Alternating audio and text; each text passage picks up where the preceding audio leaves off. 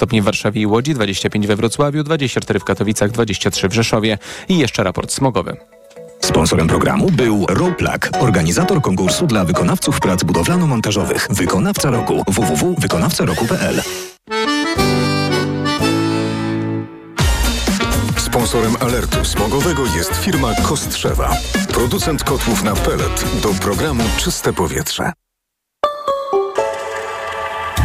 Północnej połowie Polski jakość powietrza bardzo dobra, tam szczególnie polecam spacery. Delikatne przekroczenia norm stężenia jakości powietrza, jeśli chodzi o duże miasta w Warszawie, Krakowie, Wrocławiu, Rzeszowie, Opolu i metropolii górnośląsko-zagłębiowskiej.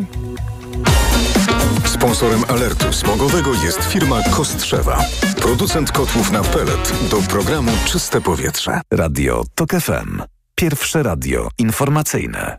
Sponsorem audycji jest bank BNP Paribas, zdobywca nagrody Najlepszy Bank na świecie dla korporacji według Euromoney Awards 2022.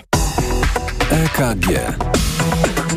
Ekonomia, kapitał, gospodarka. Tomasz Setta, dzień dobry. Pięć minut po dziewiątej zaczynamy piątkowy magazyn EKG. W studiu z nami pierwszy gość Jan Truszczyński, były wiceminister spraw zagranicznych i główny negocjator polskiego członkostwa w Unii Europejskiej. Dzień dobry. Dzień dobry. W życiu człowieka przychodzi nieraz taki moment, kiedy trzeba sobie odpowiedzieć na jedno bardzo ważne pytanie. 20 lat temu to pytanie brzmiało, czy wyraża pani pan zgodę na przystąpienie Rzeczypospolitej Polskiej do Unii Europejskiej. 77% odpowiedziało wtedy tak, 22% odpowiedziało nie. Czy pańskim zdaniem te 20 lat temu to był taki oczywisty i łatwy do przewidzenia wynik? No raczej nie.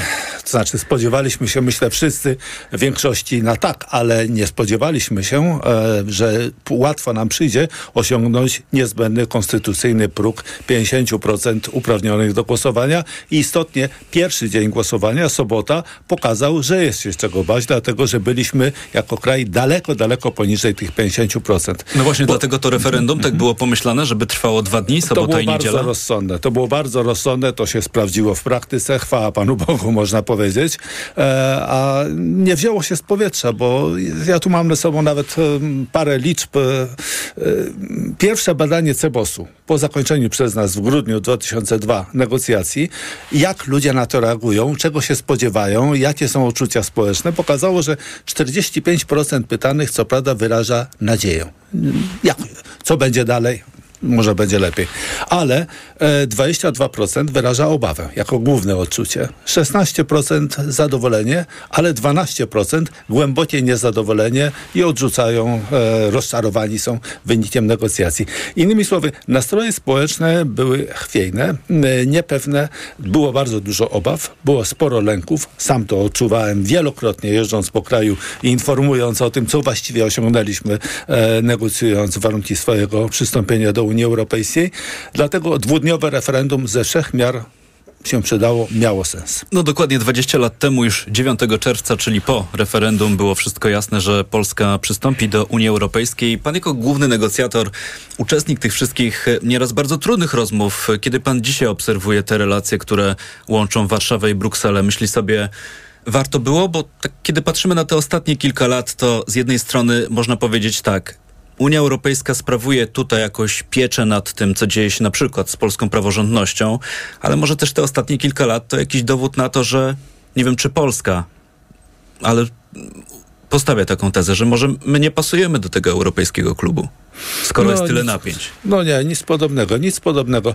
Oczywiście tylko w Polsce i na Węgrzech rządzą tak zwani suwereniści, którzy na pierwszym miejscu stawiają interes narodowy, a interes pozostałych krajów uczestniczących w projekcie znajduje się na miejscu kolejnym, dalszym.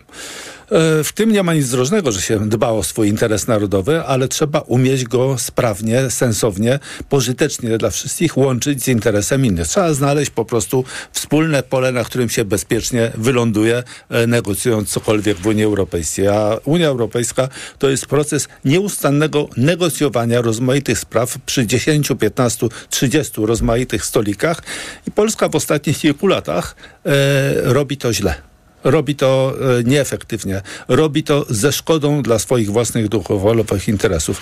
Wczoraj, proszę pana, e, osiągnięto porozumienie w sprawie paktu migracji i azylu. Po wieloletnich bólach e, i problemach negocjacyjnych osiągnięto to porozumienie. Było głosowanie, e, 27 krajów uczestniczyło, kto był przeciwko? Polska i Węgry. E, parę krajów, przyznaję, wstrzymało się, między innymi Malta, e, Słowacja, e, ale znakomita większość naszych sąsiadów, tych, którzy przystąpili do Unii Europejskiej razem z nami, Rumunia, Czechy, Litwa, Łotwa, Estonia, Słowenia, e, głosowały te kraje za. Dlaczego Polska i Węgry są na marginesie? Dlaczego na ogół głosują przeciw? Dlaczego zajmują stanowisko odmienne od innych? Czy lepiej rozumieją integrację europejską? E, Czy może coś jest nie w porządku z obecnymi władzami Polski i Węgier? Ale pańskim zdaniem polski rząd te negocjacje w różnych obszarach prowadzi źle, bo nie osiąga zamierzanych e, przez siebie celów? No, nie osiąga zamierzanych przez siebie celów, dlatego że jest No w bo czasami to stawianie sprawy na Dlatego- ostrzu noża przynosi jakieś efekty, ale rozumiem, że tych efektów Ja tutaj bym- nie ma. No chciałbym znaleźć jeden przykład, gdzie sprawianie sprawy na ostrze noża przyniosło efekt, e, przyniosło efekt Polsce, ale przyniosło też jakiś efekt innym. E, jeśli e, ktoś mi poda konkretny przykład, chętnie popolemizuję, e, zajmując się już tym konkretnym przykładem, ale ja panu nie umiem takiego przykładu podać niestety, więc e, nie, nie porozmawiamy o tym, e, co się Polsce przez stawianie sprawy na ostrzu noża udało. I tak samo jest w przypadku negocjacji chociażby wokół pakietu Fit for 55, tych wszystkich klimatycznych spraw. No, Polska tutaj też prezentuje podobne stanowisko, to znaczy na wiele z tych spraw się nie zgadza, w odróżnieniu od no, przytłaczającej większości członków Unii Europejskiej. No niestety, tak. Niestety, ale e, faktem jest, że na przestrzeni roku 2021 i zwłaszcza 20, 2022 ubiegłego roku osiągano stopniowo porozumienia polityczne, tak zwane ogólne podejście w Radzie Unii Europejskiej, porozumienie między krajami członkowskimi dotyczące rozmaitych, najrozmaitszych elementów e, pakietu e, Fit for 55. I Polska była uczestnikiem tej gry cały czas. To, że zdarzało jej się zajmować stanowisko odrębne, nie zmienia faktu, że s, y, y, poszczególne e, elementy e, pakietu były przejmowane przez kraje członkowskie. No cóż, zawsze trzeba szukać sojuszników, e, koalicjantów, e, krajów, które myślą podobnie jak my, jeżeli mamy konkretny interes e, i starać się o to, aby tak zdefiniowane wspólne interesy znalazły sobie miejsce w finalnym jakimś pakiecie rozwiązań, w finalnym kompromisie. To można robić. My robiliśmy to w przyszłości jako Polska z rosnącą skutecznością, ale w ostatnich latach to obecnemu rządowi nie wychodzi albo wychodzi bardzo słabo. Państwa gościem w magazynie EKG, przypomnę, jest dzisiaj pan Jan Truszczyński. Mm, Komisja Europejska wczoraj e, wszczęła przeciwko polskiemu rządowi kolejną już, zdaje się, że w ostatnich latach szóstą e, procedurę naruszeniową. Chodzi o wątpliwości Komisji Europejskiej wobec e, ustawy Lex Tusk, która powołuje tę już e, słynną, choć jeszcze nie istniejącą e, komisję, która ma badać rzekome rosyjskie wpływy w Polsce. Pańskim zdaniem to będzie jakiś kolejny element e, taki, który oddali możliwość odblokowania dla Polski pieniędzy na Krajowy Plan Odbudowy. No, chciałoby się powiedzieć kolejny gwóźdź do trumny po prostu, którą buduje sobie PiS od lat e, sumiennie i zaciekle. E, ja myślę, że tak, że tak właśnie to trzeba interpretować. E, trzy tygodnie czasu na udzielenie wyjaśnień i odpowiedzi. E, myślę, że możemy przewidzieć, jakiego rodzaju to będą wyjaśnienia jaka to będzie odpowiedź. Odpowiedź spadajcie. E, generalnie taki będzie jej wydźwięk. Czy może bardziej z tym- dyplomatycznie No, nikt nie zrozumiał i nie doczytał. Tego słowa, tego Wszyscy słowa polegali tylko na nie publikacjach medialnych, a nie Tak, na tym, co jest tak, w ustawie. A tak. pana zaskoczyło to tempo, jak szybko komisja wszczęła tę procedurę, bo to chyba nie minęło 10 dni od podpisu prezydenta. Wie pan, e, stopień naruszeń e, prawa europejskiego jest tak rażąco, krzycząco e, e, wysoki i widoczny, że nie, nie, nie, trzeba było jakiejś dogłębnej, długotrwałej analizy, sięgania po dziesiątki kazusów z przeszłości, źródła rozmaitej natury, konsultacji z dziesiątkami prawników, aby dojść do odpowiedzi i do wniosku, że tak, tu jest ewidentne, mocne naruszenie prawa wspólnotowego, w związku związku z tym e, e, łatwo jest sformułować pismo, które komisja do rządu polskiego wystosowała. Nie, nie dziwię się tej szybkości działania. A na stole mamy już kolejną, no jeszcze nie ustawę, tu akurat jest mowa o projekcie. Mm, to też być może części z Państwa mogło umknąć, bo wszystko się dzieje w okolicach długiego weekendu, mm, ale prezydent przed kilkoma dniami przedstawił projekt zmian w przepisach. Projekt zmian, który dotyczy relacji z Unią Europejską. Jest motywowany tym, że w 2025 roku, czyli jeszcze trochę czasu do tego mamy, Polska obejmie w Unii Europejskiej prezydencję. Pan prezydent w tym projekcie proponuje e, różne ciekawe rozwiązania, użyję takiego sformułowania, chociażby pan prezydent chciałby być brany pod uwagę przy podejmowaniu decyzji, kto będzie nas reprezentował w Komisji Europejskiej, ale też e, pan prezydent w tych przepisach sobie zastrzega prawo do udziału w Radzie Europejskiej, czyli w tych spotkaniach, w których dzisiaj na ogół bierze, czy właściwie przede wszystkim bierze udział szef polskiego rządu. Pan jak patrzy na te przepisy, Pana Pan, no, pierwsza refleksja? Rzuciłem na nie ociem wczoraj e, z ciekawości e, i e, doszedłem do wniosku, że nie mają one nic wspólnego z samą prezydencją polską, bo przecież e, pan Duda e, e, zapowiadając, że trzeba coś zrobić w związku z nadchodzącą polską prezydencją, zapowiedział złożenie projektu ustawy. A jak się wczytujemy w projekt ustawy i uzasadnienia, to tam naprawdę w związku z tym, czym się ma zajmować polskie przewodnictwo, nie ma i ta ustawa nie jest w istocie potrzebna. Poprzednie polskie przewodnictwo w 2011 roku poszło sprawnie i gładko e, przy ówczesnym stanie prawnym i w związku z tym nie ma żadnej potrzeby, żeby cokolwiek sztukować i zmieniać w polskim prawie. Tylko wtedy prezydent i koalicja rządząca to był jeden obóz. Proszę pana, ale... E, Teraz może być inaczej. Prezydencja, prezydencja nie jest po to, żeby załatwiać jakiś interes e, pana Dudy czy jakiegokolwiek innego e, dostojnika e, polskiego. Prezydencja jest po to, żeby pomóc całemu wózkowi unijnemu przesunąć się trochę do przodu. To jest aż, ale jednocześnie tylko pół roku. Nikt nie działa w samotności, nikt nie jest sprinterem biegającym solo, tylko wszyscy biegają w biegu sztafetowym. Polska też.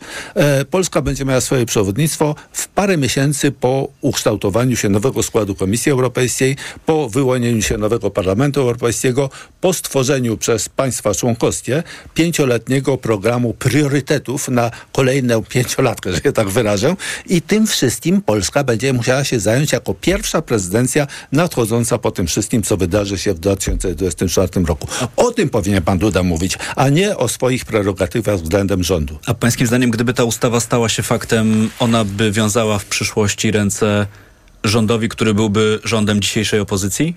No, oczywiście, że tak. To byłoby zaproszenie po prostu do nieustannych sporów kompetencyjnych e, i marnowania energii na to, co w ogóle nie jest e, ani nam potrzebne, ani innym krajom członkowskim e, Unii Europejskiej w niczym się przydać nie może. To jest właśnie jałowa para w gwizdek bez sensu.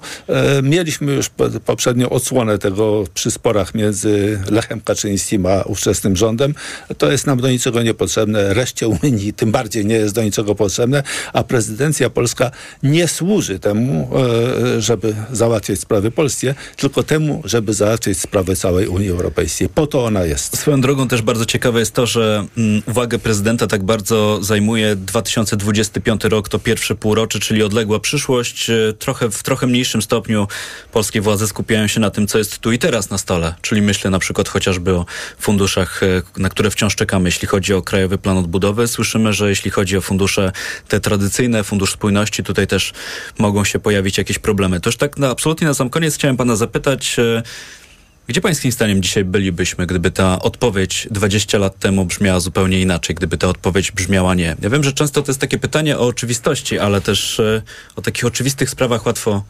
zapomnieć. Co nam no, daje to członkostwo? Dochód na głowę przeciętnego obywatela Polski byłby o 30 ponad procent niższy niż jest obecnie.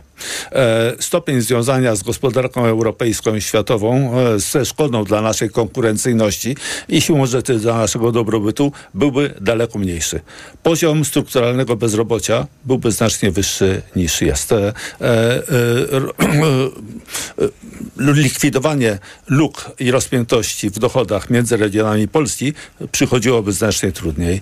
Infrastruktura nasza, autostrady, telekomunikacja, e, transport publiczny e, byłyby na znacznie niższym poziomie niż są obecnie. Z bardzo z wielu e, punktów widzenia patrząc na to wszystko można powiedzieć, że e, członkostwo Polski w Unii opłaciło się na wszystkim bardzo, bardzo wyraźnie. I to wszystko powiedział pan na jednym oddechu.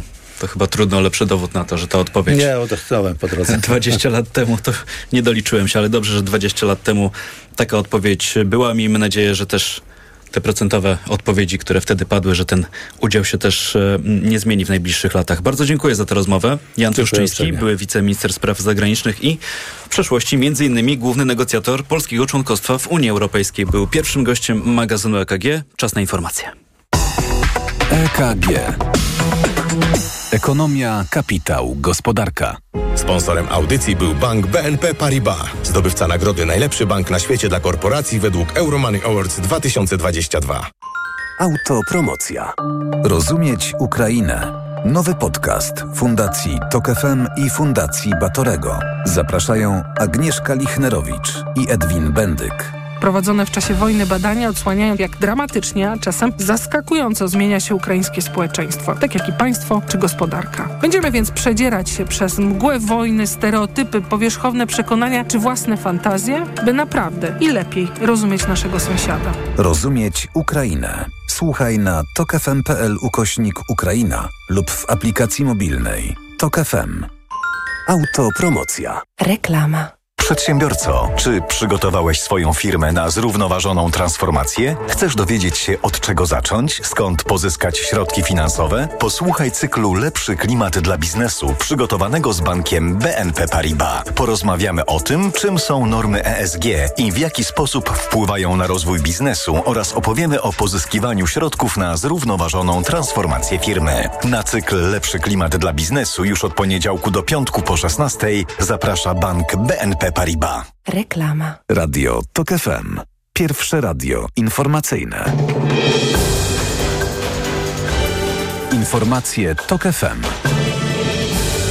9.20 Filip Kakusz, zapraszam. Nie mamy takiej informacji, odpowiedział rzecznik prasowy Sztabu Generalnego Sił Zbrojnych Ukrainy na pytanie agencji Reutera o doniesienia zachodnich mediów o rozpoczęciu ukraińskiej kontrofensywy. O rozpoczęciu oczekiwanego od miesięcy ataku informowały, powołując się na ukraińskich wojskowych, m.in. telewizja NBC oraz dziennik Washington Post. Według Instytutu Badań nad Wojną siły Kijowa atakują na trzech odcinkach frontu, odnoszą lokalnie sukcesy, ale w obwodzie zaporowskim natrafiły na skuteczną obronę Rosjan.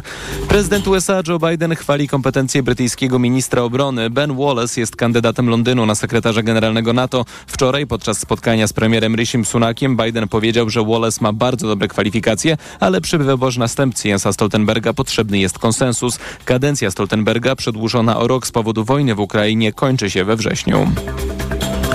Trzeci finał French Open w ciągu czterech lat. Iga Świątek znów zagra o wielkoszlemowy tytuł w Paryżu. W półfinale stoczyła ciężki bój z Brazylijką Beatriz Hadżacz-Mają, a w jutrzejszym finale zmierzy się z Czeszką Karoliną Muchową. Świątek do finału weszła bez straty seta, ale półfinałowy pojedynek był dla niej najcięższą przeprawą w Paryżu. Polka wygrała 6-2, 7-6, ale w drugim secie Brazylijka grała wyjątkowo dobrze, a Świątek miała momentami problemy z jej leworęcznym forehandem. Jakby musiałam dostosować całą taktykę pod to, że jest leworęczna i i dlatego ten mecz był inny niż większość. Są też leworęczne zawodniczki, które nie do końca wykorzystują tą swoją rotację lewej ręki. Ona to wykorzystuje, dlatego, dlatego granie z nią jest wymagające. W finale Świątek zagra z Karoliną Muchową, która po fantastycznym meczu pokonała Erenę Sabalenkę. Finał jutro o 15.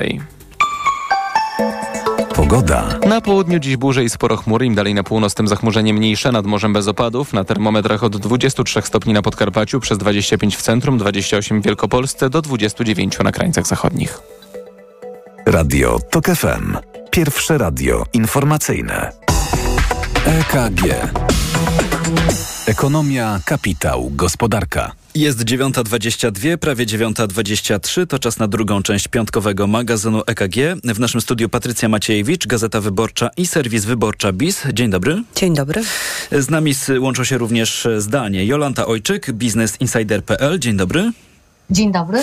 I Justyna Piszczatowska, redaktor naczelna Green News.pl, także jest z nami. Dzień dobry. Dzień dobry. Długi weekend, piątek. Wydawałoby się, że kto może to korzysta z urlopu, ale nie korzysta z tego urlopu rząd, który zbiera się dzisiaj i będzie nowelizować budżet na przyszły rok. Mm, dla Państwa, których być może niektóre te informacje mogły ominąć, to jest konsekwencja porozumienia, które rząd podpisał z Solidarnością w ubiegłą środę. To porozumienie zakłada m.in. wprowadzenie jednorazowej nagrody finansowej dla nauczycieli. Tutaj powodem ma być 250. rocznica utworzenia Komisji Edukacji Narodowej. I zupełnym zbiegiem okoliczności będzie ta rocznica wypadać w okolicach wyborów parlamentarnych. Ta nagroda ma wynieść złotych 900 i przypomnę, będzie jednorazowa, więc jeśli chodzi o wynagrodzenia takie utrzymywane przez cały rok, to jest zupełnie inna sprawa. Pojawią się też e, nagrody specjalne dla innych pracowników państwowej sfery budżetowej i jednorazowa nagroda dla sędziów. Do tego jeszcze e, przejdziemy. Patrycja Maciejewicz, to nie wiem, wydaje mi się dosyć ciekawa sprawa, że dziś rząd będzie nowelizować budżet, bo w ostatnich tygodniach słyszeliśmy, że nie da się tego zrobić. Tylko wtedy dyskusja dotyczyła 800. Plus. Dokładnie. Była mowa o tym, że nie jest to konieczne, nie jest to możliwe. Tymczasem mamy teraz taką sytuację, że nie dość, że. Mm, jakieś zobowiązanie zostało podpisane w środę, to jego egzekucja, wykonanie jest już dzisiaj, czyli e, w długi weekend. To jest niesamowite tempo. E, jak na... A za chwilę posiedzenie Sejmu. A za chwilę posiedzenie Sejmu. Mm, no, nie, nie sposób tutaj omijać jakiejś tej logiki wyborczej i kalendarza, który, który przed nami i naprawdę radzę, by y, każdy, y, każdą informację mm, ze sfer politycznych rozpatrywać w, w sferach, w, w kontekście właśnie wyborów i jakie to może mieć przełożenie. No bo przecież od dawna wiadomo, że pracownicy budżetówki e, są poszkodowani, jeśli chodzi o y, inflację i wyrównywanie ich uposażeń. Te wszystkie opowieści, które premier niejednokrotnie powtarzał, że y, inflacja nie jest problemem, ponieważ pensje rosną w tempie takim samym, trochę mniejszym, nawet większym, to też jak, jak, jak to tempo płac było wyższe od inflacji, to, to była bardzo mocna narracja premiera. Y, no to się po prostu y, nie przekładało na pensje mm, setek tysięcy pracowników budżetówki. I oczywiście im się też należą te podwyżki, wyrównanie, tylko jak widzicie Państwo, jest to podporządkowane kalendarzowi wyborczemu, więc jaka ta motywacja naprawdę jest. Mówiła Patrycja Maciejewicz, bardzo dziękuję. Jolanta Ojczyk, tak często zagląda do przepisów, do prawa. E, tempo też zaskakujące? Dla mnie tempo jest bardzo zaskakujące, chociaż nie, nie, to nie jest tak, że jestem zdziwiona o tym, że specjalny, specjalny zespół pracuje w rządzie i dochodzi do porozumienia między rządem a Solidarnością. Wiemy już od jesieni, więc to była tylko taka. Y, dowiedzieliśmy się, co będzie w tym porozumieniu. Przepraszam bardzo, ale to alergia. E, I dla mnie to nie jest zaskakujące, no bo jeżeli jest porozumienie, to musi być zrealizowane. Oczywiście zaskakujące jest tempo, że rzeczywiście, żeby zdążyć na posiedzenie e, Sejmu 15 e, czerwca, żeby wyrobić się ze wszystkim przed, przed jesiennymi wyborami, ale w tym porozumieniu i w tych, w, w tych w zmianie przepisów jest jeszcze jed, są dwie bardzo ważne rzeczy, których oczywiście nie będzie w tej nowelizacji budżetu, tylko to będą kolejne przepisy. Po pierwsze, e, premier Mateusz Morawiecki powiedział, że jest otwarta droga do emerytur stażowych. E, to jest bardzo ważna deklaracja. E, wiemy, że w rządzie był spór o emerytury stażowe i prezes ZUS była przeciwna emeryturom stażowym bo to jest e, rozmontowywanie e, systemu e, ubezpieczeń społecznych. Emerytury stażowe to oznacza, że będzie można osiągnąć wiek emerytalny tak, i, i, i przejść na emeryturę w, po przepracowaniu określonego wieku. W przypadku kobiet to 35 lat, w przypadku mężczyzn to 40 lat. I, I, to byłoby zmianą tego systemu, który jest teraz, tak? gdzie musimy y, osiągnąć ok określony wiek, tak? 60-65 lat. I to jest bardzo ważna deklaracja i bardzo duża zmiana, bo wcześniej mówiło się, że tutaj porozumienia nie będzie, choć gdzie, gdzie niegdzie Solidarność przebąkiwała, że, nic, y, że nie, nie ma nic pewnego w tym temacie. A druga ważna zmiana, że w przyszłym roku mają być jednak, y, czyli to już dotyczy budżetu na 2024 rok, że mają być podwyżki w administracji, podwyżki dla budżetówki. Y, I to ewidentnie widać, że to jest też podyktowane właśnie e, e, wyborami, tak? Kalendarzem wyborczym. To Czyli do tych- budżetówka musiała czekać e, na, na podwyżki i na jednorazowe dodatki. Zauważmy, że dla wszystkich sędziów sądów powszechnych, a wiemy, że, e, że e, jakby e, obecna władza ma największy spór z, z sądami. To ja pozwolę Plus- sobie wejść w słowo i dorzucić do tego jeszcze jedną kategorię, bo tutaj, kiedy mówimy o tej nagrodzie specjalnej dla sędziów, to oprócz tego, o czym powiedziałaś, do tego zaliczają się też sędziowie, uwaga, Trybunału Konstytucyjnego. A ma być ta nagroda specjalna za, uwaga, cytuję, szczególne zaangażowanie w pracy. Powiem tak, y, sędziowie Trybunału Konstytucyjnego są jednymi z najlepiej wynagradzanych w Polsce sędziów. Mm, Gdyby Trybunał działał normalnie, tak powinno być. Y, Za szczególne osiągnięcia. Ja obsługuję Trybunał Konstytucyjny tak mniej więcej za 20 lat. I pamiętam, jak y, jakieś 20 lat temu zdarzało mi się, że miałam trzy rozprawy, czyli o 9, o 13 i o 15. I musiałam wówczas do y, dziennika, do gazety prawnej zrobić relacje. Nie było relacji online, nie było szybko komunikatów. Nie A teraz jest mniej tej pracy, to chyba dobrze. A teraz mamy dwa, dwie rozprawy. No, w, tym, w tym miesiącu było trochę inaczej w maju, tak? Tro, trochę Trybunał przyspieszył. Mieliśmy y, cztery rozprawy, tak? A normalnie zdarza się, że nawet w miesiącu nie ma żadnej. To no, oczywiście nagroda się należy, tylko nie wiem, czy za pracowitość.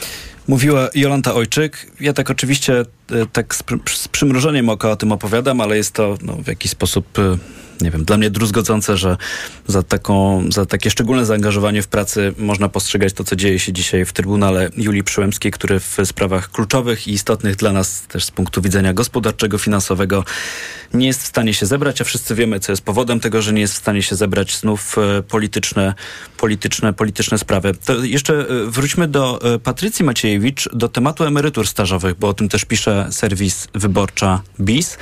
Mm, O tym, na czym polega to rozwiązanie, to przed chwilą mówiła Jolanta Ojczyk. Wy piszecie o tym, że to ma być e, jedna z obietnic wyborczych, czyli znów rozwiązanie, o którym usłyszymy, a czy się wydarzy, czy nie, to się dowiemy po wyborach. Mm, Taka jest, e, taka jest nasza informacja, do której dotarł dziennikarz wyborczej. Temat em- e, emerytur stażowych, tak jak powiedziała Jola, jest e, takim trochę przeciąganiem liny od dłuższego czasu, ale najwidoczniej... I to nie pierwszy raz obietnica wyborcza. i nie- bo nie- Chyba już dwukrotnie padła, że, że się pojawi i wciąż czekamy.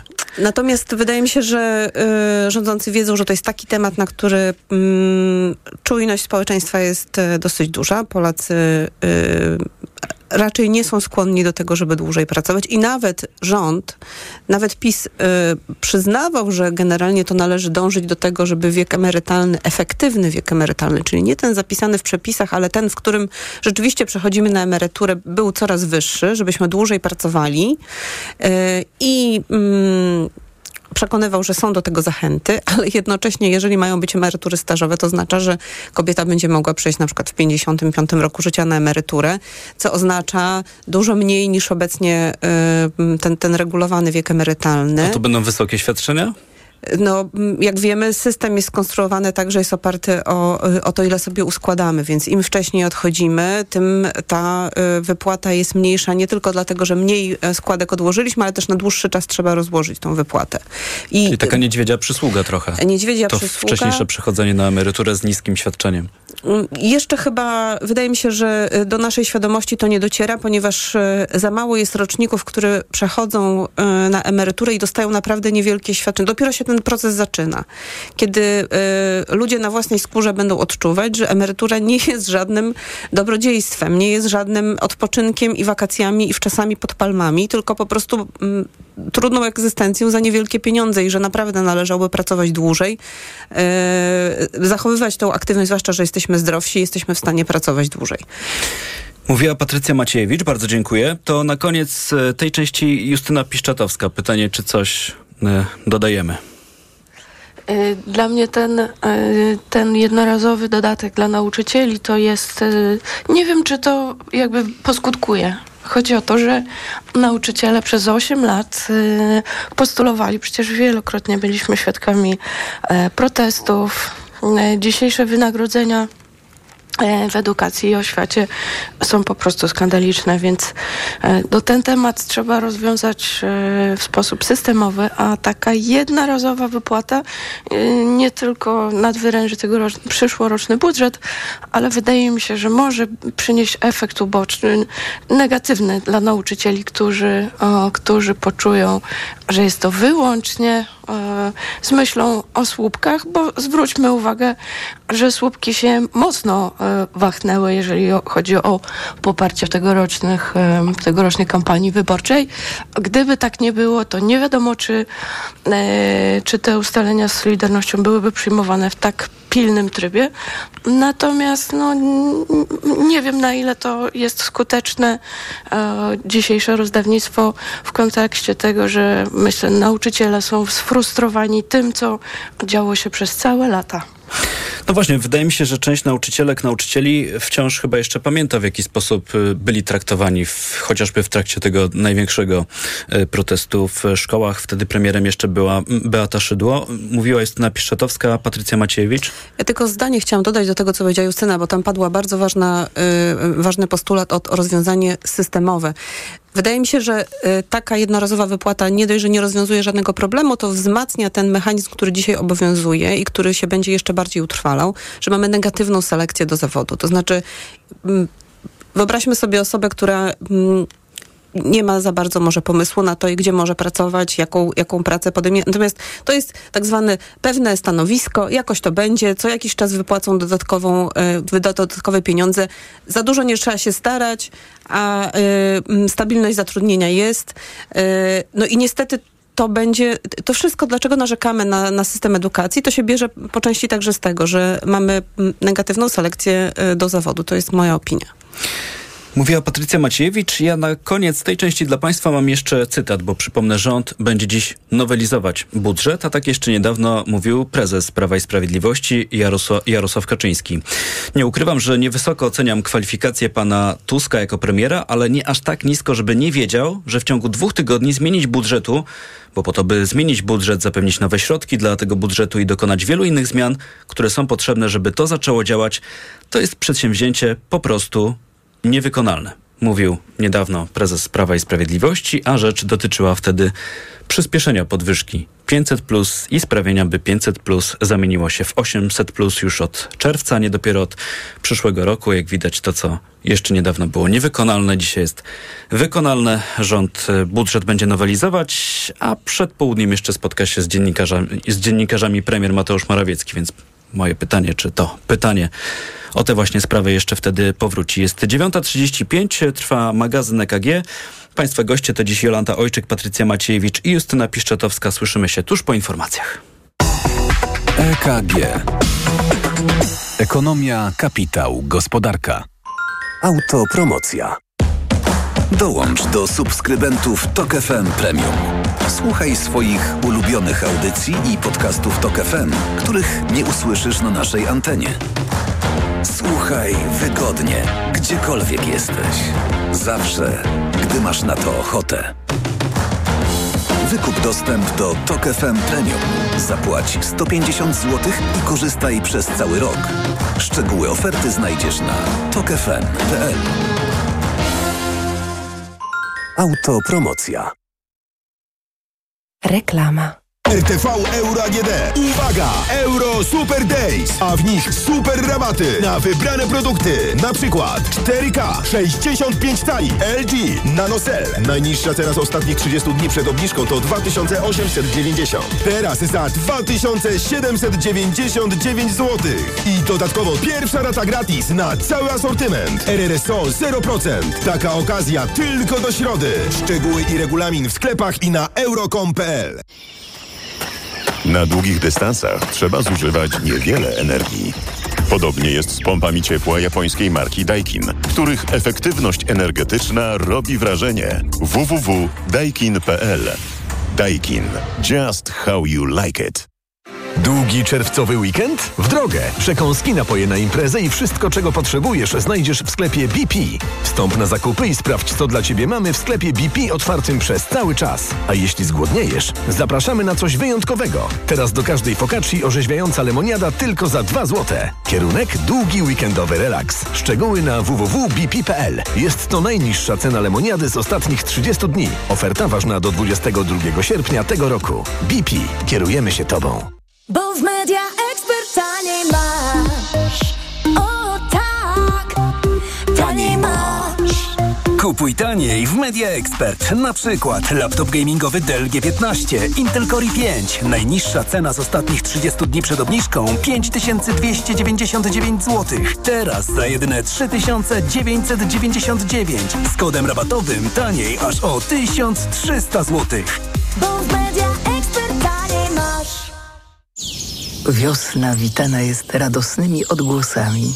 Bambetle zbierają się w stada, podejmując niezwykłą podróż, by odnaleźć sezonowe miejsca lęgowe. Walizki, torby, plecaki mają nowy szlak migracyjny. Bambetle znikają z polskich pociągów, a podróżnicy nie muszą już ich dźwigać. Kup bilet na pociąg w aplikacji Koleo i dodaj usługę Bambetle Plus. Odbierzemy Twój bagaż i dostarczymy go tam, gdzie potrzebujesz. Koleo. Dźwigniemy za Ciebie Twoje bambetle. Czytała Krystyna Czubówna. Domowy warsztat? Stwórz go taniej z Leroy Merlin. Tak, to proste. Oto prawdziwe hity sprzedaży. Odkurzacz warsztatowy Kercher. Moc 1000 watów. Zbiornik 17 litrów. Teraz już za 299 zł. A profesjonalna młotowiertarka Makita z uchwytem SDS Plus. Moc 780 watów. Za 507 zł. Stwórz domowy warsztat taniej. Zapraszamy do sklepów i na leroymerlin.pl. Ekonomia 360. Słuchaj od poniedziałku do piątku o 18.20. Sponsorem audycji Ekonomia 360 jest Unum Życie, Towarzystwo Ubezpieczeń i Reasekuracji SA www.unum.pl. Reklama. Radio TOK FM. Pierwsze radio informacyjne. Informacje TOK FM. 9.40 Filip Kakusz, zapraszam. Obniżenie wieku emerytalnego to ma być kolejna kampanijna obietnica Prawa i Sprawiedliwości, dowiaduje się Gazeta Wyborcza. Według nowego projektu przepisów, które mają zostać przyjęte po wyborach, kobieta, która rozpoczęła pracę w wieku 20 lat, będzie mogła przejść na emeryturę, gdy skończy lat 55, mężczyzna, gdy skończy lat 60. Trzydniowa blokada przejścia granicznego z Ukrainą w Dorochusku ma się rozpocząć o godzinie 10. Rolnicy z Lubelszczyzny będą w ten sposób protestować przeciwko działaniom rządu Prawa i Sprawiedliwości w związku z trudną sytuacją na rynku zbożowym. Prezydent Ukrainy krytykuje międzynarodowe organizacje humanitarne za brak pomocy dla obywateli jego kraju zalanych w wyniku wysadzenia zapory wodnej w Nowej Kachowce, które, którzy zamieszkują tereny znajdujące się pod okupacją rosyjską. Oczywiste jest dla mnie, że nieobecność międzynarodowych organizacji takich jak Międzynarodowy Czerwony Krzyż w strefie katastrofy na okupowanym terytorium, brak pomocy dla naszych obywateli na okupowanym terytorium jest zła i według mnie samobójcza dla takich organizacji. Wciąż nie znamy skutków katastrofy, do której doprowadziło wysadzenie tamy w Nowej Kachowce. Duża ilość min dryfuje w tej chwili pod Dnieprze. Do tego woda jest pełna śmieci, fragmentów różnych przedmiotów, łodzi czy konstrukcji budowlanych zmytych, kiedy masy wody zalały miejscowości nad rzeką. Pogoda. Na południu dziś burze i sporo chmur, im dalej na północ, tym zachmurzenie mniejsze, nad morzem bez opadów. Na termometrach od 23 stopni na Podkarpaciu, przez 25 w centrum, 28 w Wielkopolsce, do 29 na krańcach zachodnich. Radio TOK FM. Pierwsze radio informacyjne. Sponsorem audycji jest bank BNP Paribas, zdobywca nagrody Najlepszy Bank na świecie dla korporacji według Euromoney Awards 2022. EKG.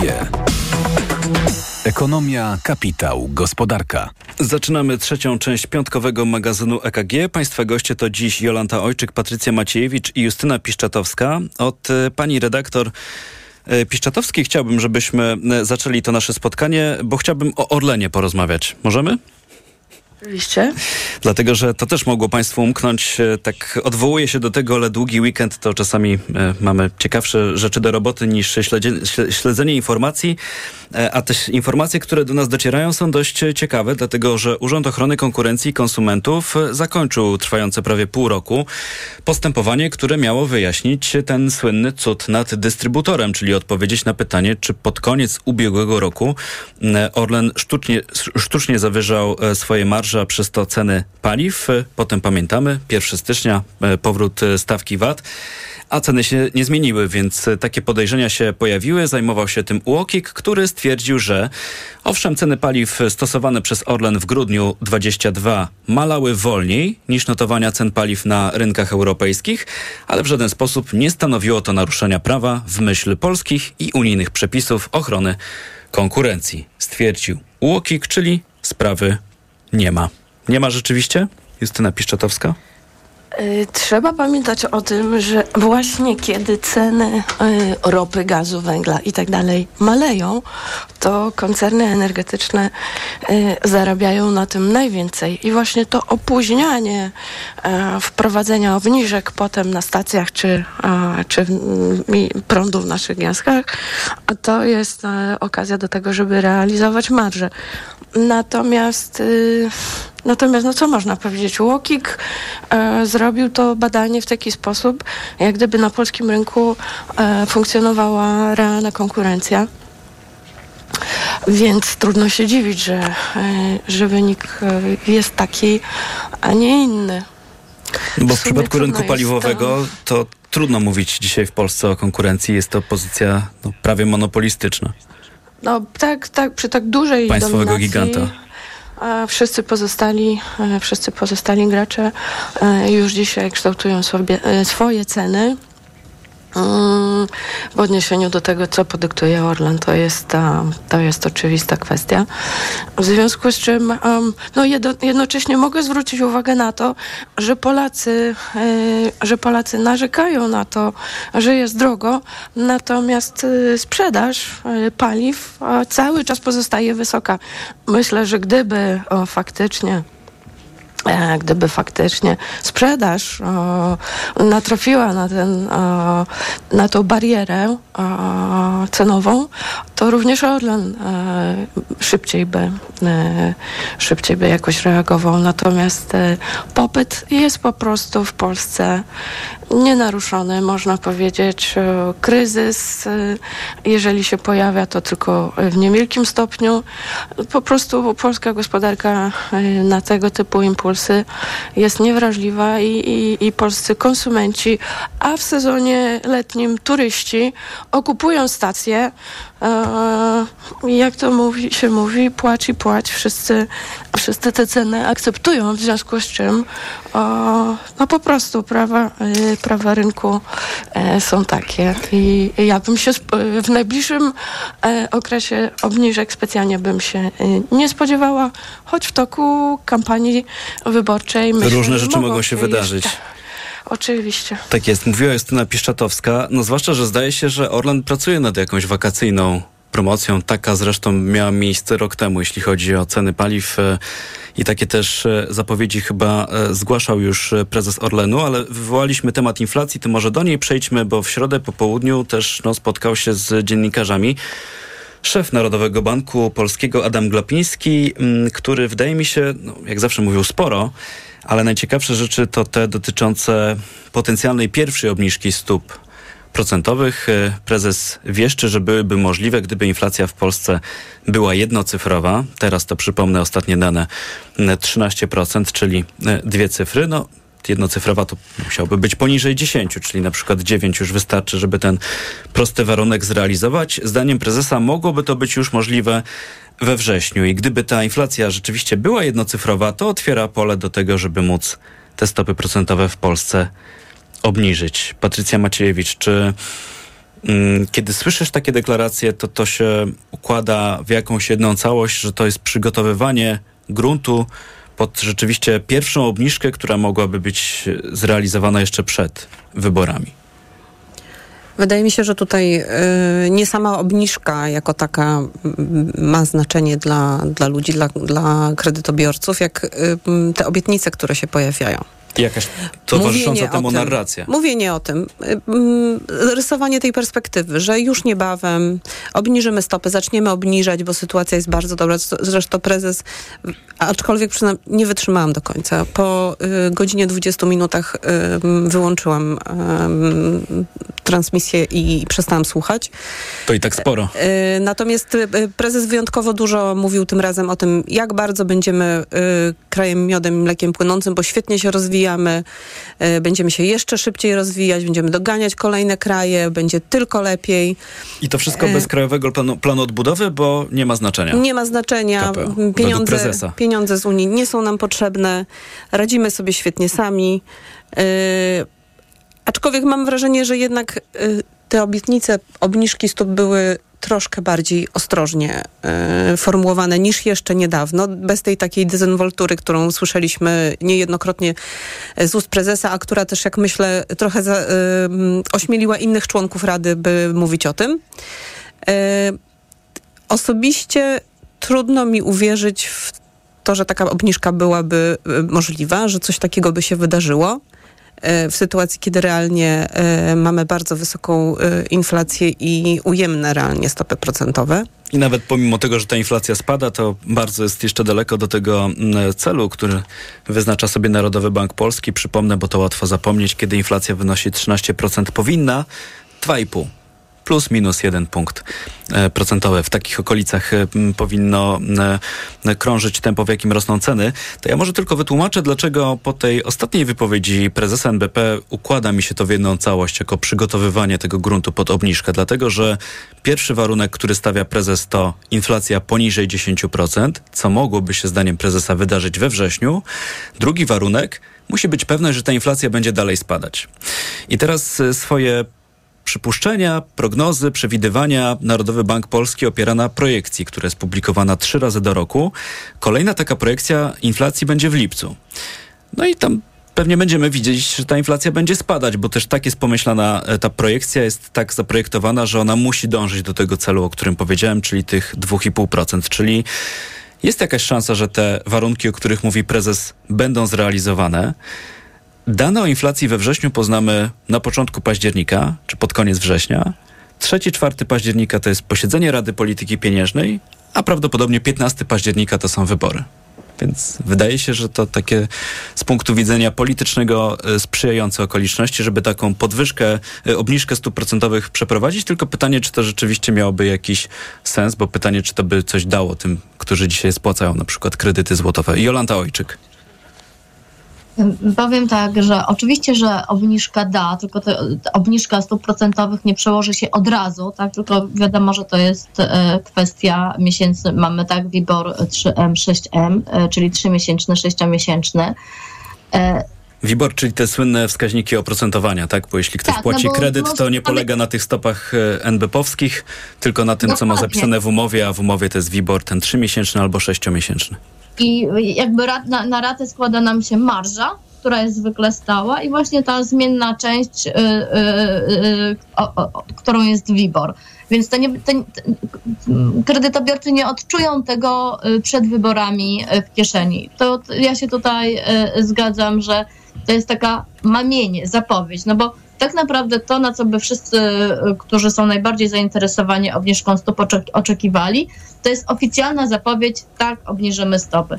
Jeżeli rzeczywiście, tak jak wspomniałeś, y, kalendarium, przed 15 października, tak, czyli przed dniem wyborów, znaczy to jest, nie, jest, nie jest jeszcze oficjalne, są jeszcze tak, y, mówi się, że PiS może zmienić tą datę, bo już przecież raz przesuną wybory samorządowe, ale gdyby RPP oficjalnie ogłosiła, że projekcja, y, y, y, poziom inflacji, inne dane e, e, makroekonomiczne wskazują, że możemy obniżyć i obniżymy stopy. Oficjalnie zapowiedzieli na przykład w listopadzie, tak jak teraz to rozumieją ekonomiści.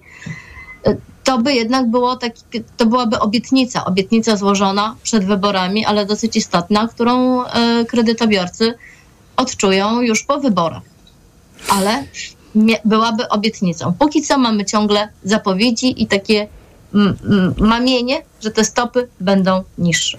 Mówiła Jolanta Ojczyk. Ja też w pełni się zgadzam, że ten ruch e, tak od tej strony faktycznej, czy on by dał komukolwiek ulgę, to, to, to rzeczywiście trudno zakładać, że w tak krótkim czasie ktoś tę ulgę odczuje, ale też myślę o tym, w jaki sposób od wielu lat funkcjonuje mm, dzisiejszy obóz rządzący, gdzie bardzo często ważniejsze od sfery faktów jest sfera taka informacyjna, czy wręcz propagandowa. I taki materiał w o 19.30 w jednej z telewizji pokazujący, że oto właśnie Rada obniżyła stopy, jakkolwiek mogłoby to nie mieć sensu i mogłoby też z punktu widzenia polityki pieniężnej być szkodliwe, no to byłaby szansa, żeby taki materiał zrobić i móc go wykorzystać, no nawet z pominięciem ciszy wyborczej, bo to przecież e, polityka pieniężna, a nie klasyczna polityka. Zobaczymy jak będzie.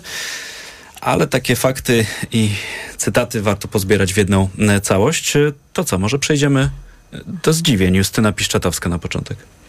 Y, Chętnie zacznę jako pierwsza, dlatego że moje zdziwienie dotyczy wypowiedzi y, prezesa Glapińskiego.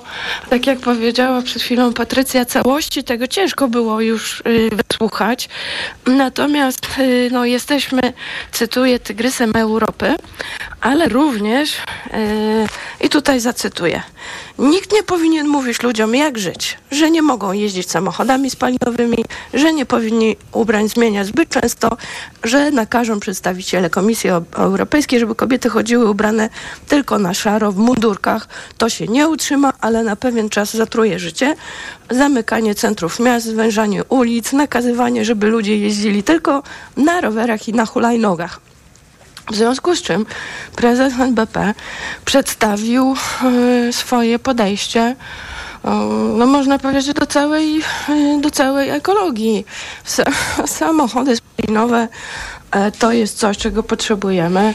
Nie chcemy absolutnie używać mikromobilności, nie chcemy ograniczać emisji niskiej w centrach miast. Pytanie, gdzie tu zdziwienie, bo prezes nie pierwszy raz prezentuje taki pogląd. Dla mnie to jest jednak y, cały czas, y, cały czas zaskoczenie.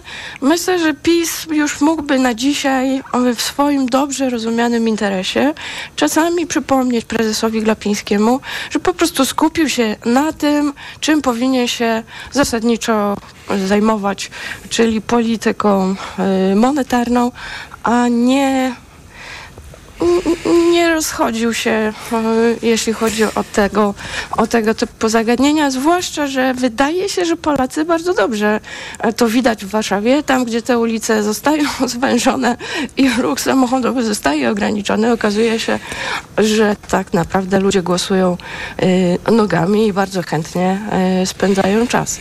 Mówiła Justyna Piszczatowska ja tylko dodam, zanim jeszcze przejdziemy do kolejnych zdziwień, że w innych bankach centralnych, na przykład w Europejskim Banku Centralnym jest specjalna jednostka, która analizuje zmiany klimatu, w jaki to będzie miało wpływ na gospodarkę i także na politykę pieniężną. To znaczy jest także na tym poziomie instytucjonalnym, że się wydziela jakiś osobny departament, dostrzega się, że to jest problem. Ważny także dla takiej rzeczy wydawałoby się niezwiązanej z klimatem, czyli właśnie dla polityki pieniężnej. W Polsce mamy prezesa, który prezentuje takie poglądy, jak słyszeliśmy i tak przynajmniej oficjalnie zmian klimatu w tym kontekście się nie rozpatruje. E, Jolanta Ojczyk? Tylko to już bardzo krótkie zdziwienia, bo powoli kończymy. To ja mam duży problem, bo jest bardzo dużo zdziwień e, w tym tygodniu. Powiem trzy, ale krótko. Po pierwsze, e, inicjatywy legislacyjne prezydenta. Podpisał Lex Tusk, nowelizuje Lex Tusk. Nie wiadomo, co z tego będzie, ale ta nowelizacja nic nowego nie wnosi. Po prostu ruch totalnie niezrozumiały. E, Kolejna nowelizacja prezydenta, niby związana z naszą prezydencją e, w Unii Europejskiej, e, o czym była rozmowa dzisiaj w TOK FM, ale ja bym chciała przypomnieć, bo akurat wtedy też dosyć aktywnie mm, pisałam o tej prezydencji, że mieliśmy prezydencję w 2011 roku i naprawdę nie, nie, były te same przepisy i chyba nic nie trzeba zmieniać. A y, trzecie zdziwienie to dotyczy nowelizacji rzeczywiście ustawy budżetowej, bo y, w tej nowelizacji mają być te jednorazowe ym, wynagrodzenia, y, nagrody dla nauczycieli, tak, y, dla sędziów. A wydaje mi się, że jest o tym cisza, ale niedługo będzie wrzeć w ochronie zdrowia, bo oni wywalczyli sobie w ustawie o minimalnym wynagrodzeniu w ochronie zdrowia regularne podwyżki i te, teraz nastąpią one od 1 lipca 2023 roku i już szpitale apelują, że to będą bardzo wysokie podwyżki, bo one są uzależnione od wysokości przeciętnego wynagrodzenia. Przykładowo grupa najbardziej e, pielęgniarki, tak, z, bez wyższego wykształcenia, takich, których jest najwięcej, e, w, ich przypadku wzrost będzie o ponad e, 600 zł. W przypadku lekarzy ze specjalizacją o ponad, e, o, blisko 1000 zł.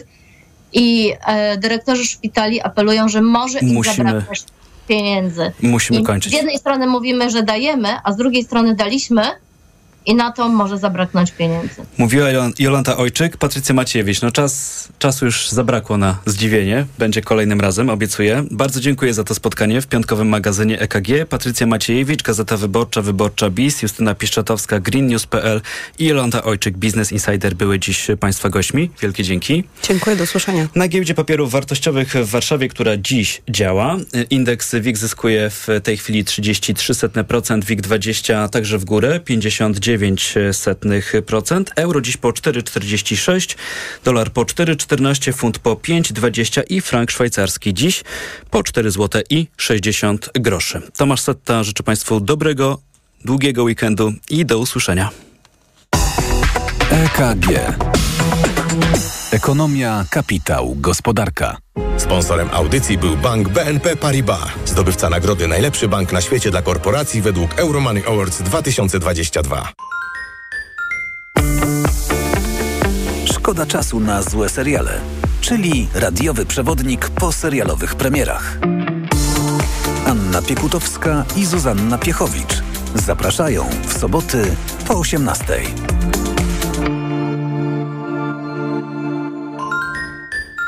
Reklama. Bo w Media Expert taniej masz. O tak!